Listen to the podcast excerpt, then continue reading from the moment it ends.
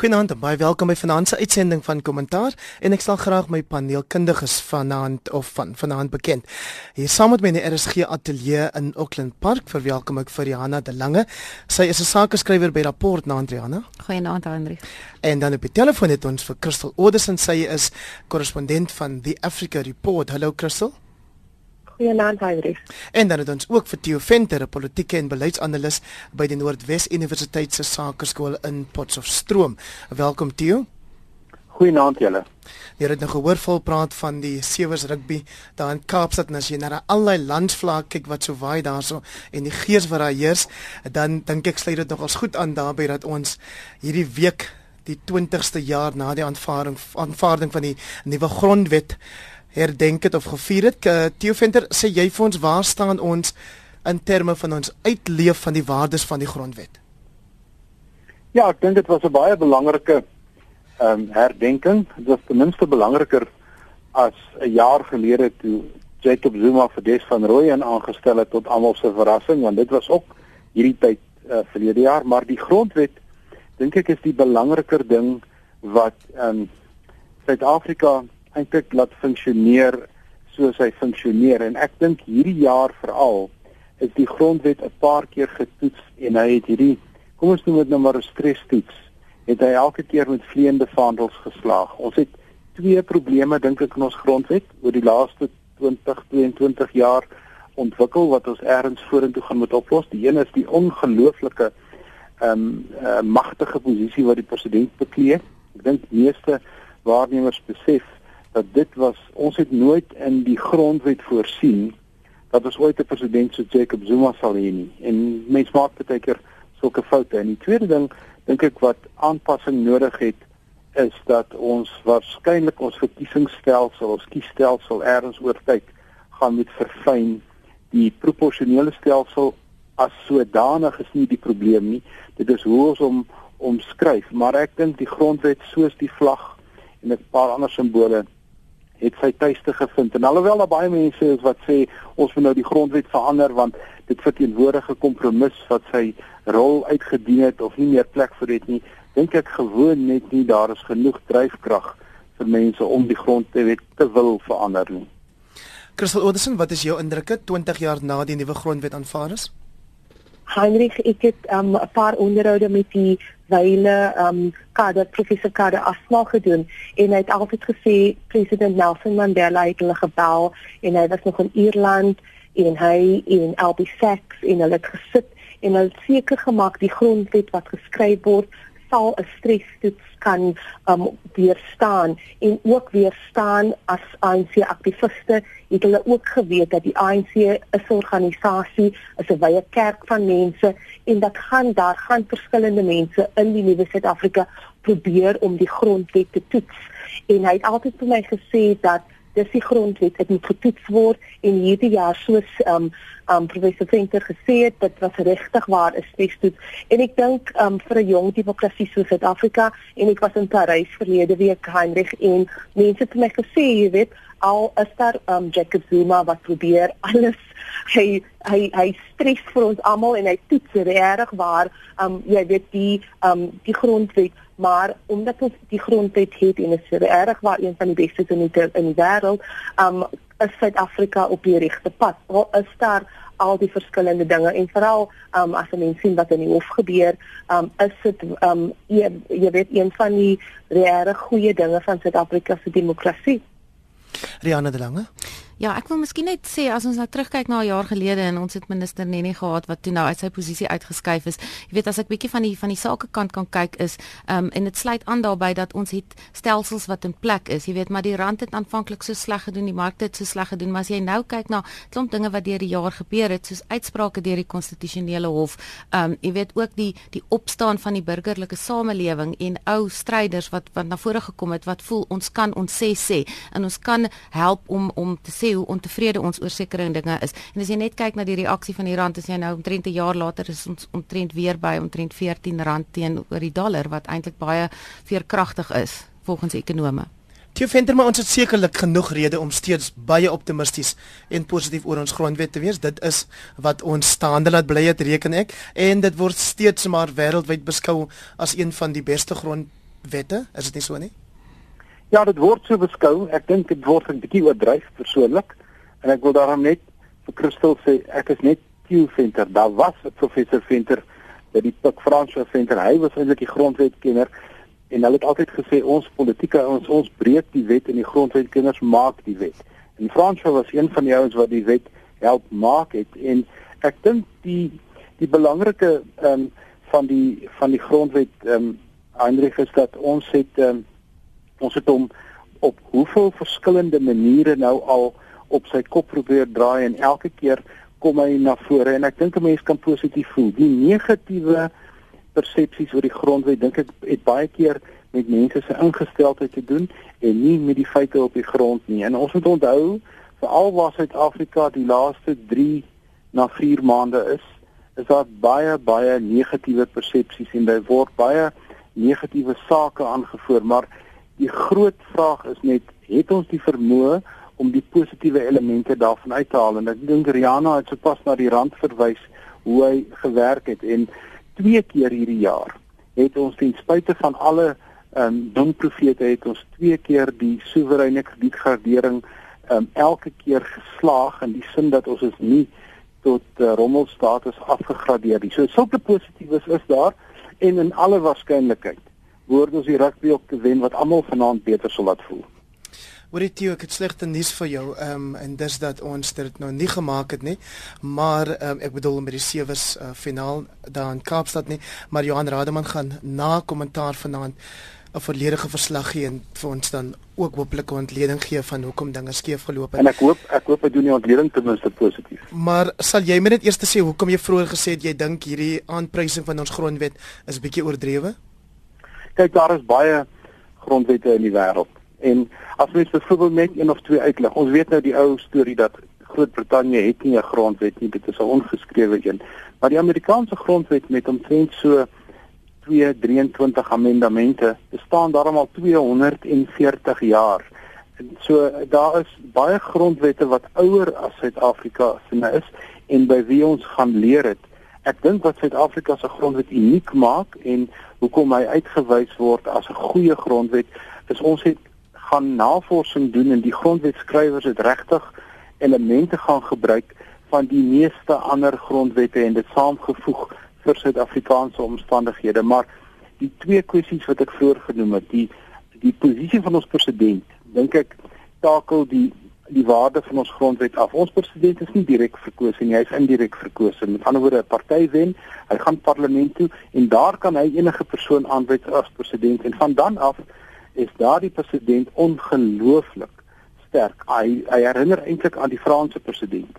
Terwyl ek dink in die meeste ehm um, demokrasieë moet 'n president op een of ander manier sy mandaat kan verdedig teenoor die volk in die breë of dan die kiezer in die breë en dit het die Suid-Afrikaanse president nie en dis een van die swak kenmerke van ons grondwet. Ek dink is baie onsensitief dat jy nou na Brittanje verwys na die Engelse ons daar in Kaapstad 1917 geklop het. Crystal Anderson, ehm um, maar dit is ook daarom so dat daai einste grondwet maak voorsiening vir 'n grondwetlike hof en die het daarom al 'n paar keer teen die president wat so swak optree, ehm um, soos wat Tieuens nou vertel het, um, beslissings gemaak, né? Nee? Ja, en ek dink ehm um, ek was um, die week ehm um, Heinrich was ek by twee dae by die Noord-Gautengse hof um, na die ehm um, die international uh, international criminal court ehm um, saak gehoor en as die DA wat die die wie wie van die hof gesien met Anton Katz Jeremy Gauntlet, David Interalte en dit was interessant vir twee dae te luister en hoe die howe regtig probeer om seker te maak dat die grondwet en niemand um die grondwet um so te sê vir granted vat nie. En 'n mens sien in die besluit van Suid-Afrika om nou nie meer deel van die internasionale hof te wees nie, word regtig kan dit dit word um jy weet mense bevraagteken dit en as jy in daai hof gesit het vir 2 dae, kan 'n mens regtig sien dat die grondwet maak um sekere gee sekere um powers aan aan aan die parlement aan die um, regering aan die kabinet aan die president. En um dit was dit was dit was interessant om daar te sit en te sien hoe die verskillende um lei um geregtighede uitge um die wie dit nou probeer um sin maak um hoekom Suid-Afrika die um, internasionale hof gaan nie meer deel wees nie. Maar ek dink dit gaan interessant wees om te sien um, wat um, ons gaan hoor van die howe miskien in die volgende paar weke. Maar weer eens het dit vir my bewys dat die grondwet is daar en dat niemand nie eers president Zuma um, kan dit bevraagteken hy kan dit bevraagteken maar dit gaan anders ook wees wat sy uh, motiewe gaan bevraagteken. Rianne de Lange ek sien dat uh, 'n uh, struggle uh, leier of iemand wat baie betrokke was by die struggle, Sipho Pichane, stem tot 'n groot mate saam met wat Theo sê. Ehm um, en dis dat jy weet terwyl ons 20 jaar van hierdie fantastiese grondwet vier, is daar is dit sodat hierdie persoon in die naam van Jacob Zuma natuurlik beskou word as iemand wat alles in sy vermoë doen om teen die gees en in die letter van die grondwet op te tree. Ehm um, maar as dit nie 'n bietjie te veel fokus op een persoon nie, moet ons nie die die positiewe meer vier nie. Wel ek dink net as jy dink aan die hele beweging wat ontstaan het met met meneer Petjana aan die voorpunt, is eintlik half die eerste keer in 'n lang tyd wat 'n mens voel die sake wêreld kom saam en hulle praat hard om te sê hier is dinge in die land wat ons pla. Ehm um, daar is 'n persoon by betrokke en hy is ook aan die hoof daarvan om te sê dis tyd dat die president moet gaan. Maar hulle het 'n uh, onderneming onderteken om te sê ons wil veg teen korrupsie. Dit is die goed wat ons in die land wil sien, die regverdigheid. Ons wil hê dat die grondwet um, gehandhaaf moet word en opgehou moet word en aan die ander kant dan net die goed teen korrupsie. So ek dink nie um, dit gaan net oor een persoon nie, maar dit is waar baie van die kwessies begin. Jy weet, en soos ons nou gesien het, um, president Zuma wend hom dikwels tot die howe, jy weet. En en vir my is dit net positief dat die sakelei wit en swart en almal op 'n stadium nou saamkom en praat en ek moet sê dit is ook deel van die harde werk wat daar ingegaan het om saam met minister Gordon te werk om mm. ons te kry dat die kredietgraderingsagentskappe ons in 'n uh, blaaskans gegee het as mense dit sou kan sê en hulle het baie duidelik ook gesê een van die positiewe goed in die land is definitief die uh, regstelsel en interessant nogal ook die media genoem Nee, ek uh, Theo Venter, die president self het in sy toespraak oor die 20-jarige herdenking van die of viering van die grondwet natuurlik, het hy gesê of of Suid-Afrikaners aangemoedig om bepaald meer van die artikel 9 instellings gebruik te maak om hulle regte op te eis. Wat sê jy daaroor? ek dink dit was een van sy moeilikste toesprake hierdie jaar want ehm um, die ironie staan oor die hele toespraak geskryf. Ehm um, dis hy wat artikel 9 instellings ignoreer. Dis hy wat hulle ehm um, gaan gaan probeer omseil en dan in die grondwet hof bloed neerskry. So baie interessante uh, maar ek dink dit is 'n toespraak wat vir hom geskryf is wat hy eenvoudig self moes lewer wat hy nie veel van 'n keuse oor gehad het nie maar net so sy toesprake wanneer hy dit lewer oor oor uh, HIV en vigs wanneer hy oor 'n klomp ander goeters praat, hy het net geen legitimiteit om ernstig opgeneem te word oor sekere van hierdie aspekte nie wat insluit korrupsie en 'n paar ander goed. Christel, wat is in jou mening oor die uitspraak uh, van die landros in die sogenaamde doodskesaak wat hierdie week toe hy nou borgtog geweier het aan die twee beskuldigdes? Het hy gepraat oor die feit dat hulle albei gebore is, jy weet, in die nuwe Suid-Afrika of dat hulle eintlik maar nog kleuters was toe 1994 aangebreek het en dan vra hy die vraag wat ek gedink het baie interessant is, weet vir hulle geleer om die K-woord te gebruik. Dit in hierdie maand van versoening en die viering van hierdie grondwet. Heinrich, dis dis natuurlik, jy weet, ek is 'n joernalis, maar ek is ook 'n Suid-Afrikaner, so is baie moeilik vir my om om sin te maak en net om te verstaan, um hier's jong mense, um wat die hulle hulle opvoeding was in die nuwe Suid-Afrika, so wat gebeur in ons gemeenskappe? Um so vir my, dis die groot vraag op grondvlak wat gebeur het. Ons praat van die grondwet, president Zuma praat van die grondwet, sake lei praat van grondwet en ons weet wat dit wat dit beteken vir Suid-Afrika, maar wat van gemeenskappe oor die land, of dit nou in Mitchells Plain is of in die Noordwes of in Limpopo, wat gebeur en as 'n mens nou al die sake sien en die saak wat jy na verwys, uh, bevraagteken ek regtig waar wat moet ons meer doen om seker te maak dat ons almal deel voel van die grondwet, grondwet deel wees van die nuwe Suid-Afrika en voel dat ons almal Suid-Afrikaans is. En miskien omdat daar so baie hofsaake is en omdat ek dink president Zuma dit reg die grondwet en alle oë is op hom en alle oë is op die howe. Miskien is die volgende 20 jaar kan ons miskien 'n bietjie um aandag gee aan wat gebeur op grondvlak sodat ek sê nie môre gaan dan nie 'n saak gebeur nie, môre gaan dan nie 'n rasisme saak wees nie, maar wat beteken die grondwet vir ieder en elk en ek het nou so pas op Facebook gesien in by die parlement in Kaapstad was Rolf Meyer, Cyril Ramaphosa en baie van die mense wat deel was van die grondwetlike proses in Kaapstad by die parlement um 20 jaar gelede en daar was um, Naledi Pandor en so was daar so baie mense het gepraat van die proses en hoe hard het mense gewerk. So vir my kan ons nie vergeet van al die harde werk nie, maar ons moet dink wat gaan gebeur in ons gemeenskappe as sekere sake soos dit nog tot voor dag kom. Dit is die stem van Crystal Oderson. Sy is 'n korrespondent van die Africa Report en sy is vanaand deel van die paneel hier op kommentaar saam met Rihanna de Lange, sakeskrywer by Rapport en dan 'n uh, ou bekende Theo Venter, politieke en beleidsanalis by die Noordwes Universiteit se Sakeskool in Potchefstroom. Nou kollegas, julle het al drie op julle lysie of versoeklysies vir bespreking vanaand die ad hoc komitee gehad oor die bevoegdheid van die SAIK raad of wat daarvan oor is, moet ek seker sê. Rihanna de Lange, wat is dit wat jou die meeste opgeval het van die sittings van die afgelope afgelope week. Ja, ek moet sê mense kon nou nie heeldag en aldag hoewel almal dit uitgesaai het en mense heeldag daarna kon luister.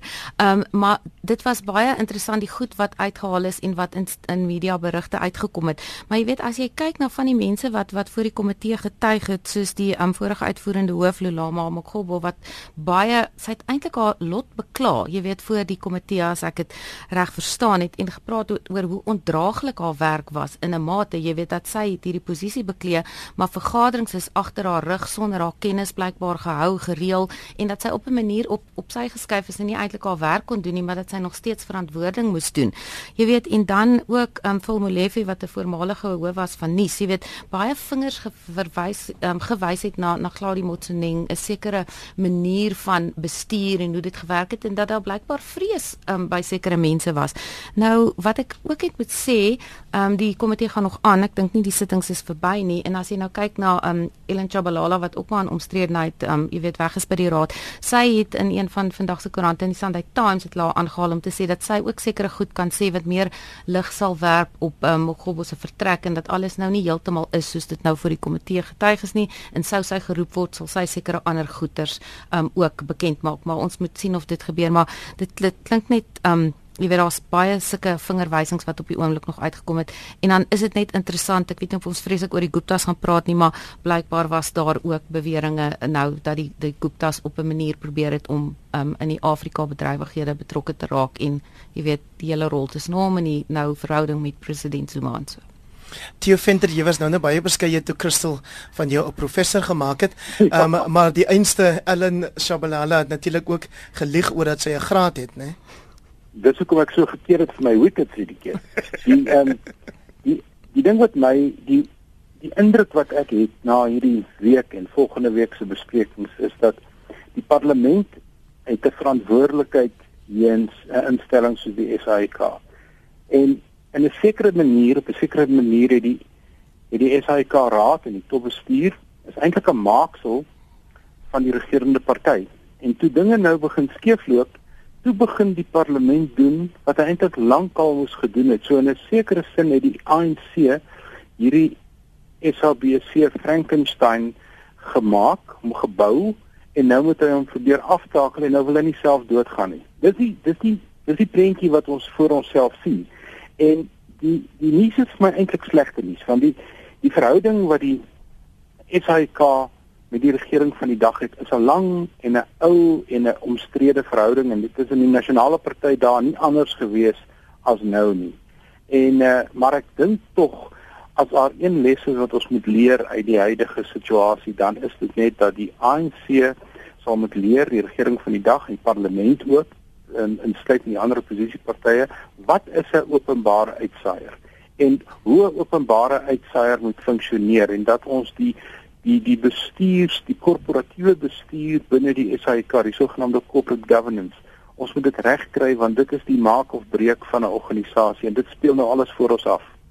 Christel Oderson, jy's 'n oud werknemer van die SAIK, wat is jou indrukke?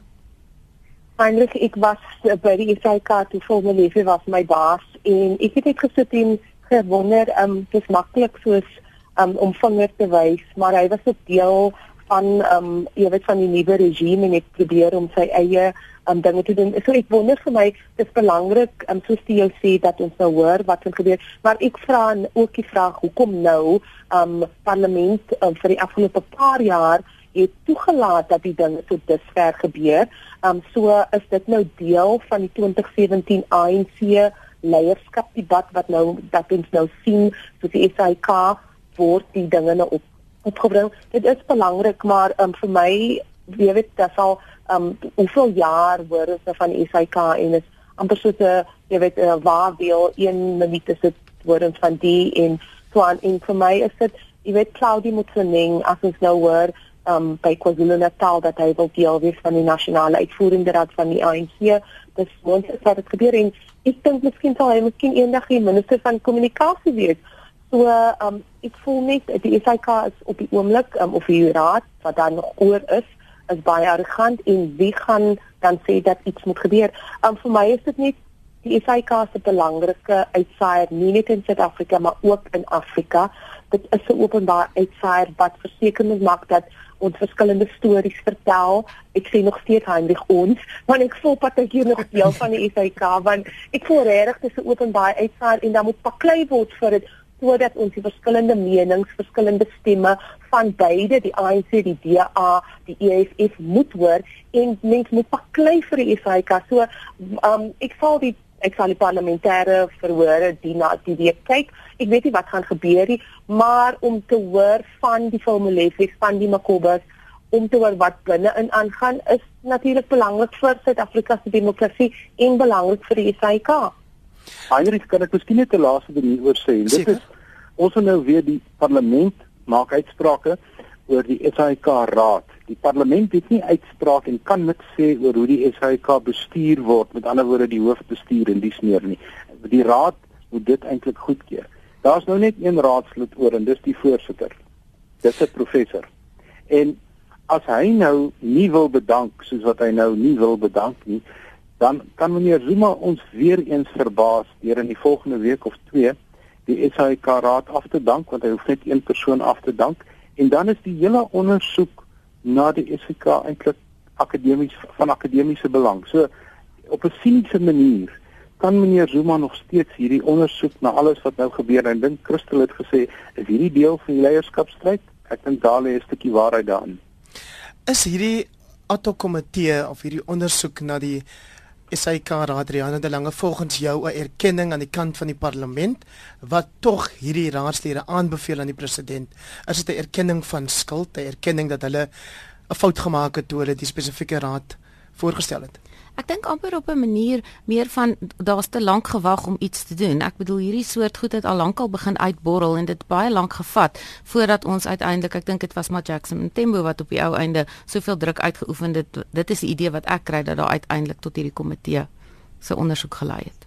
Nou jy het vroeër na die Guptas verwys en ek sien vandag op die voorblad van die Sunday Times breek daar 'n storie met die opskrif Gupta's 10 billion rand jackpot. Dit sê dat Atul Gupta wat die oudste van die Gupta broers is, blykbaar nou die rykste swart sakeman in Suid-Afrika as wat sê jy daaroor? Ja, die Sunday Times doen hierdie um navorsing op grond van inligting wat in die openbare domein is en kyk na um uh, genoteerde maatskappye en wat daar gebeur want dit is maar wat wat in die openbaar is en ehm um, daar volgens hulle het in 2014 November 2014 hulle ook by holdings genoteer op die JSE. So dis nou die eerste keer wat hulle in hierdie lys uh na vore kom en hoe hulle waarde nou bepaal word hieroor. Maar wat interessant is, dit was altyd Patrice Motsepe wat die hoogste uh posisie op hierdie lys bekleed van van swart mense in die land en nou is dit meneer Gupta en ek dink wat interessant is dat die Sunday Times gaan in op um, alle alle voordele en goed wat hulle gekry het baie keer op twyfelagtige maniere blykbaar en ehm um, die hele verhouding met president Zuma en hoe hulle hulle rykdom daardeur gebou het. En wat wel interessant is ons het net nog gepraat oor ehm um, Sipho Petjana en dat hy ook sê omdat ons hier net kyk na 'n uh, inligting wat in die openbare domein is, kan hierdie bloot net die uh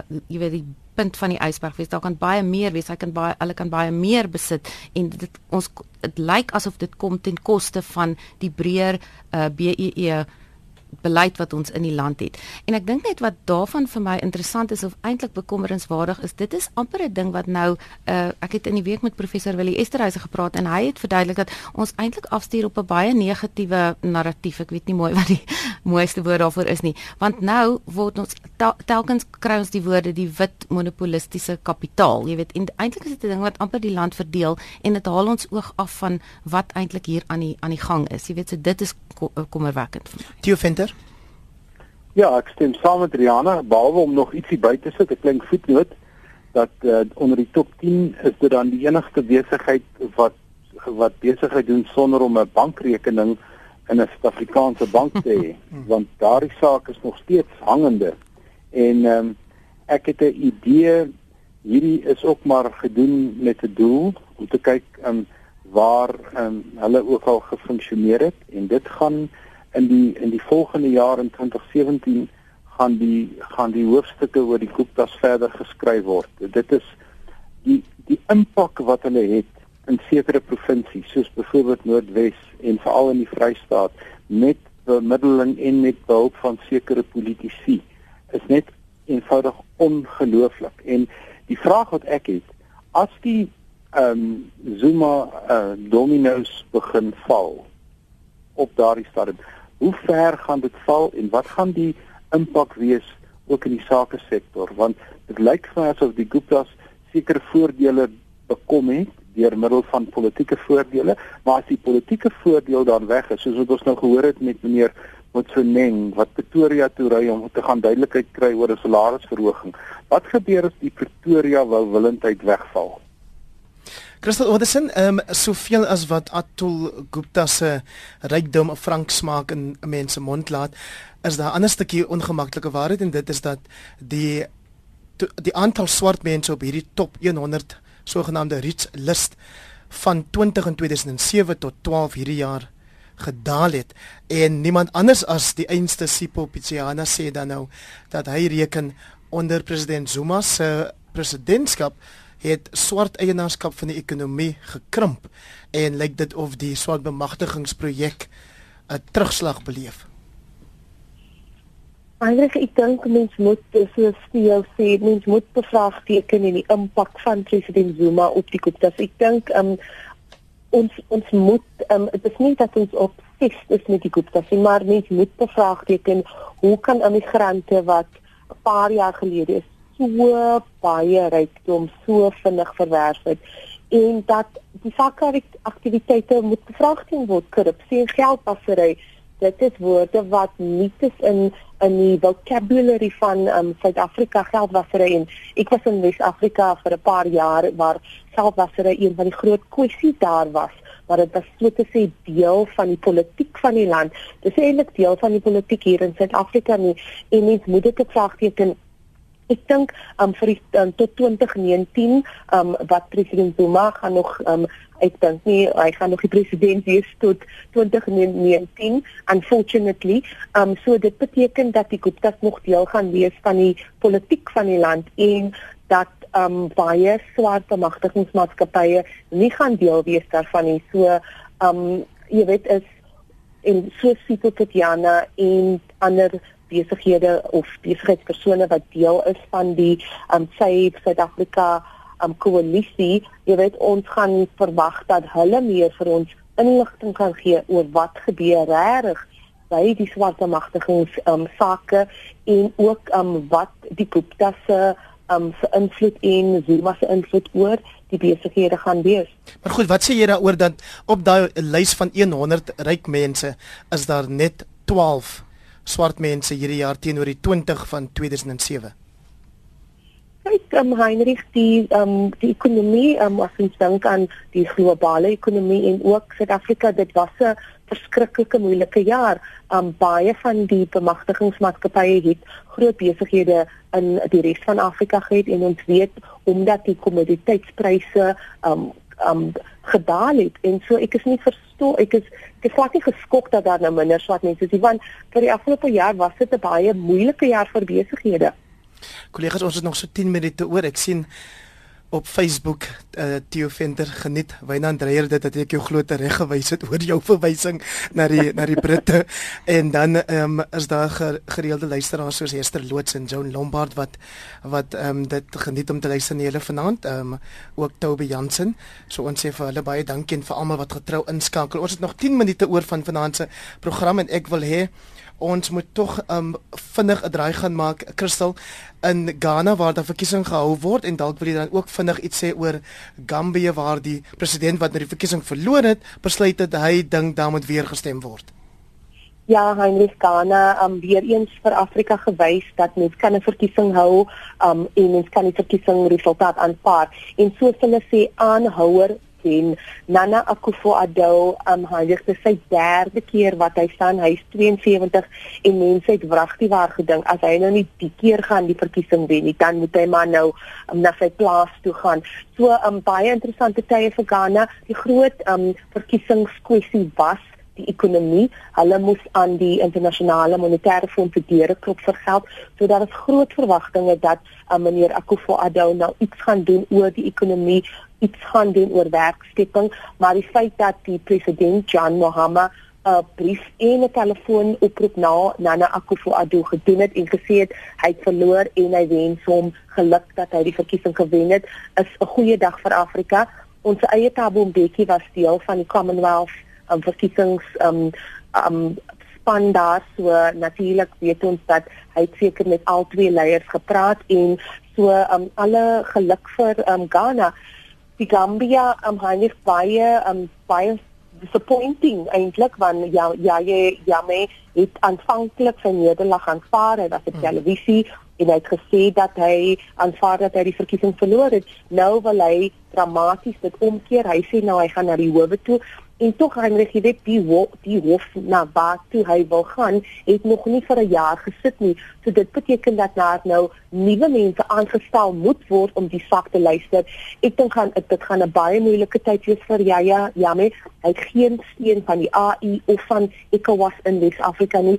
En dit eintlik mense raak 'n bietjie bang want um, hy het sy uit verskillende uit omtrent 300 nuwe generaals aangestel. Hy het hulle groot posisies gegee die afgelope 24 uur.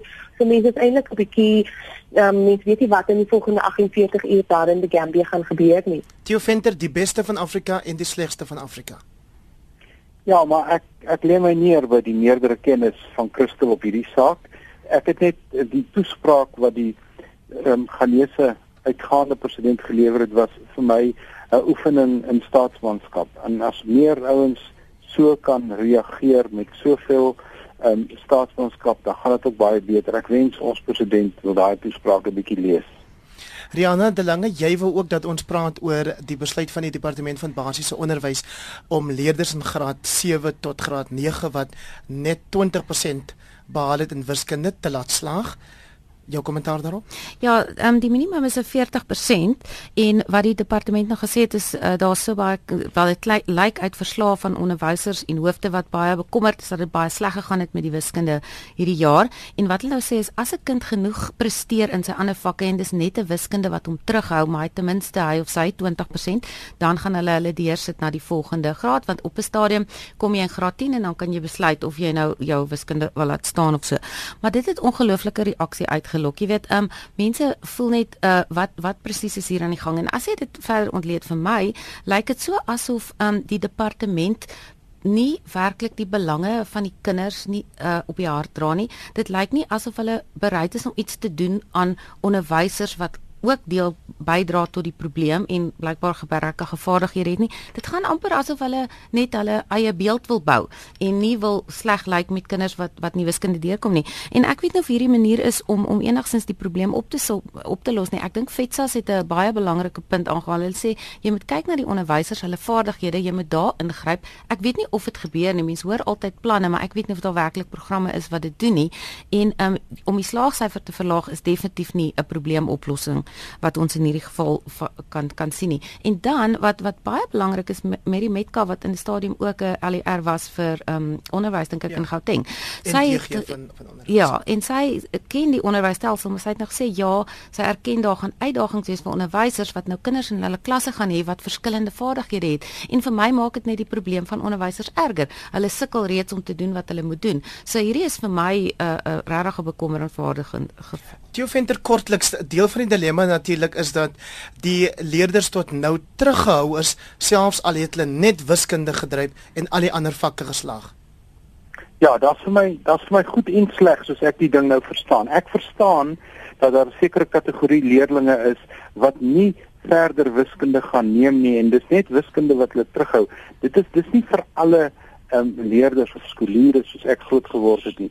Dis nie vir alle leerders nie, maar uh, ek dink en ek stem met Rihanna saam, die boodskap is verkeerd oorgedra.